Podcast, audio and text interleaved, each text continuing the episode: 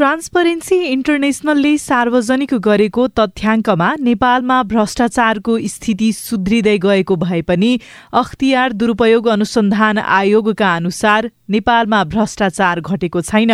देश संघीयतामा गएसँगै भ्रष्टाचार झन बढ्दै गएको छ। नजिकको सरकारले कुन कुरालाई प्राथमिकता दिएर कसरी काम गरिरहेको छ नागरिकलाई थाहा नै हुँदैन। के का लागि बजेट छुट्याइन्छ कस्तो खालको कार्यक्रमहरू आउँछ भन्ने कुरा पनि ज्ञान चाहिँ हुँदो रहेछ हामीलाई। तर कहिले काहीँ अत्तपत्तै नदिकन चाहिँ बजेटहरू पास हुने यस्ता कार्यक्रम पनि हुँदो रहेछन्। निर्माणाधीन योजना र यसको उपलब्धिमा स्थानीय सरकार पारदर्शी छैनन्। नागरिक पनि सोध्न जान्दैनन्।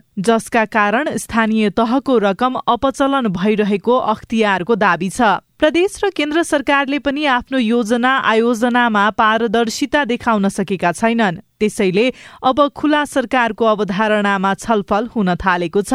प्रदेश पाँचका सांसद डाक्टर विमला केसी। जनताले पठाएका प्रतिनिधिहरूले खुला सरकार मार्फत सरकारले गरेका गतिविधिहरू उनीहरूले थाहा पाउनु पर्ने उनीहरूको अधिकार हो। खुला सरकार भएन पारदर्शिता भएन भने शङ्का गर्ने ठाउँ हुन्छ कि? जनताले होइन त्यहाँ यिनीहरूले भ्रष्टाचार गरे कि राम्रो काम गरेनन् हाम्रो लागि गरेनन् आफ्नो लागि गरे भनेर उनीहरूको धारणा हुन्छ नि। त्यो धारणाको अन्त्य गर्नको लागि पनि खुला सरकार हुन आवश्यक छ। संविधानको धारा सत्ताइसले सूचनाको हक सम्बन्धी व्यवस्था गरेको छ। नागरिकलाई सरकारले गरेका काम योजना र तिनमा लाग्ने खर्चबारे जान्ने अधिकार छ। स्थानीय सरकारले वर्षमा चार पटक सार्वजनिक सुनवाई गर्नुपर्छ।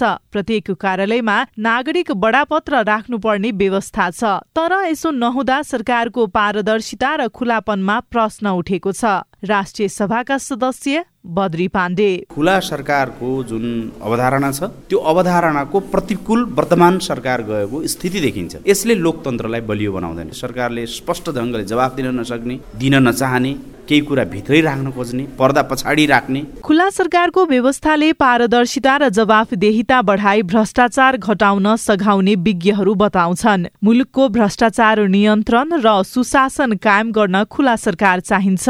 पूर्व मुख्य सचिव डाक्टर सोमनाथ सुवेदी। जति हामी ओपन हुन्छौँ त्यति के हुन्छ त विश्वास। बढ्दै जान्छ। सहभागिता पनि जुट्छ यो हिसाबले हेर्दा एउटा विश्वसनीयता बढाउनको लागि पनि पारदर्शिता र जवाफदेहीको एउटा माध्यम। भ्रष्टाचार नियन्त्रण गर्न यसले सहयोग पुर्याउँछ। तजबिजी अधिकारलाई रासनल गर्छ। पालिका व्यवस्थापनको लागि पनि यो ओपन गभर्मेन्ट चाहिँ अत्यन्तै महत्वपूर्ण देखिन्छ। विकास निर्माण उद्योग व्यवसाय लगायतका क्षेत्रमा सबैभन्दा बढी भ्रष्टाचार हुने गरेको अख्तियारले जनाएको छ। तिनै तहका सरकार जति पारदर्शी हुन्छन् त्यति नै भ्रष्टाचार न्यूनीकरण हुने विज्ञहरूको भनाइ छ। स्नेहा कर्ण सिआइएन काठमाडौँ।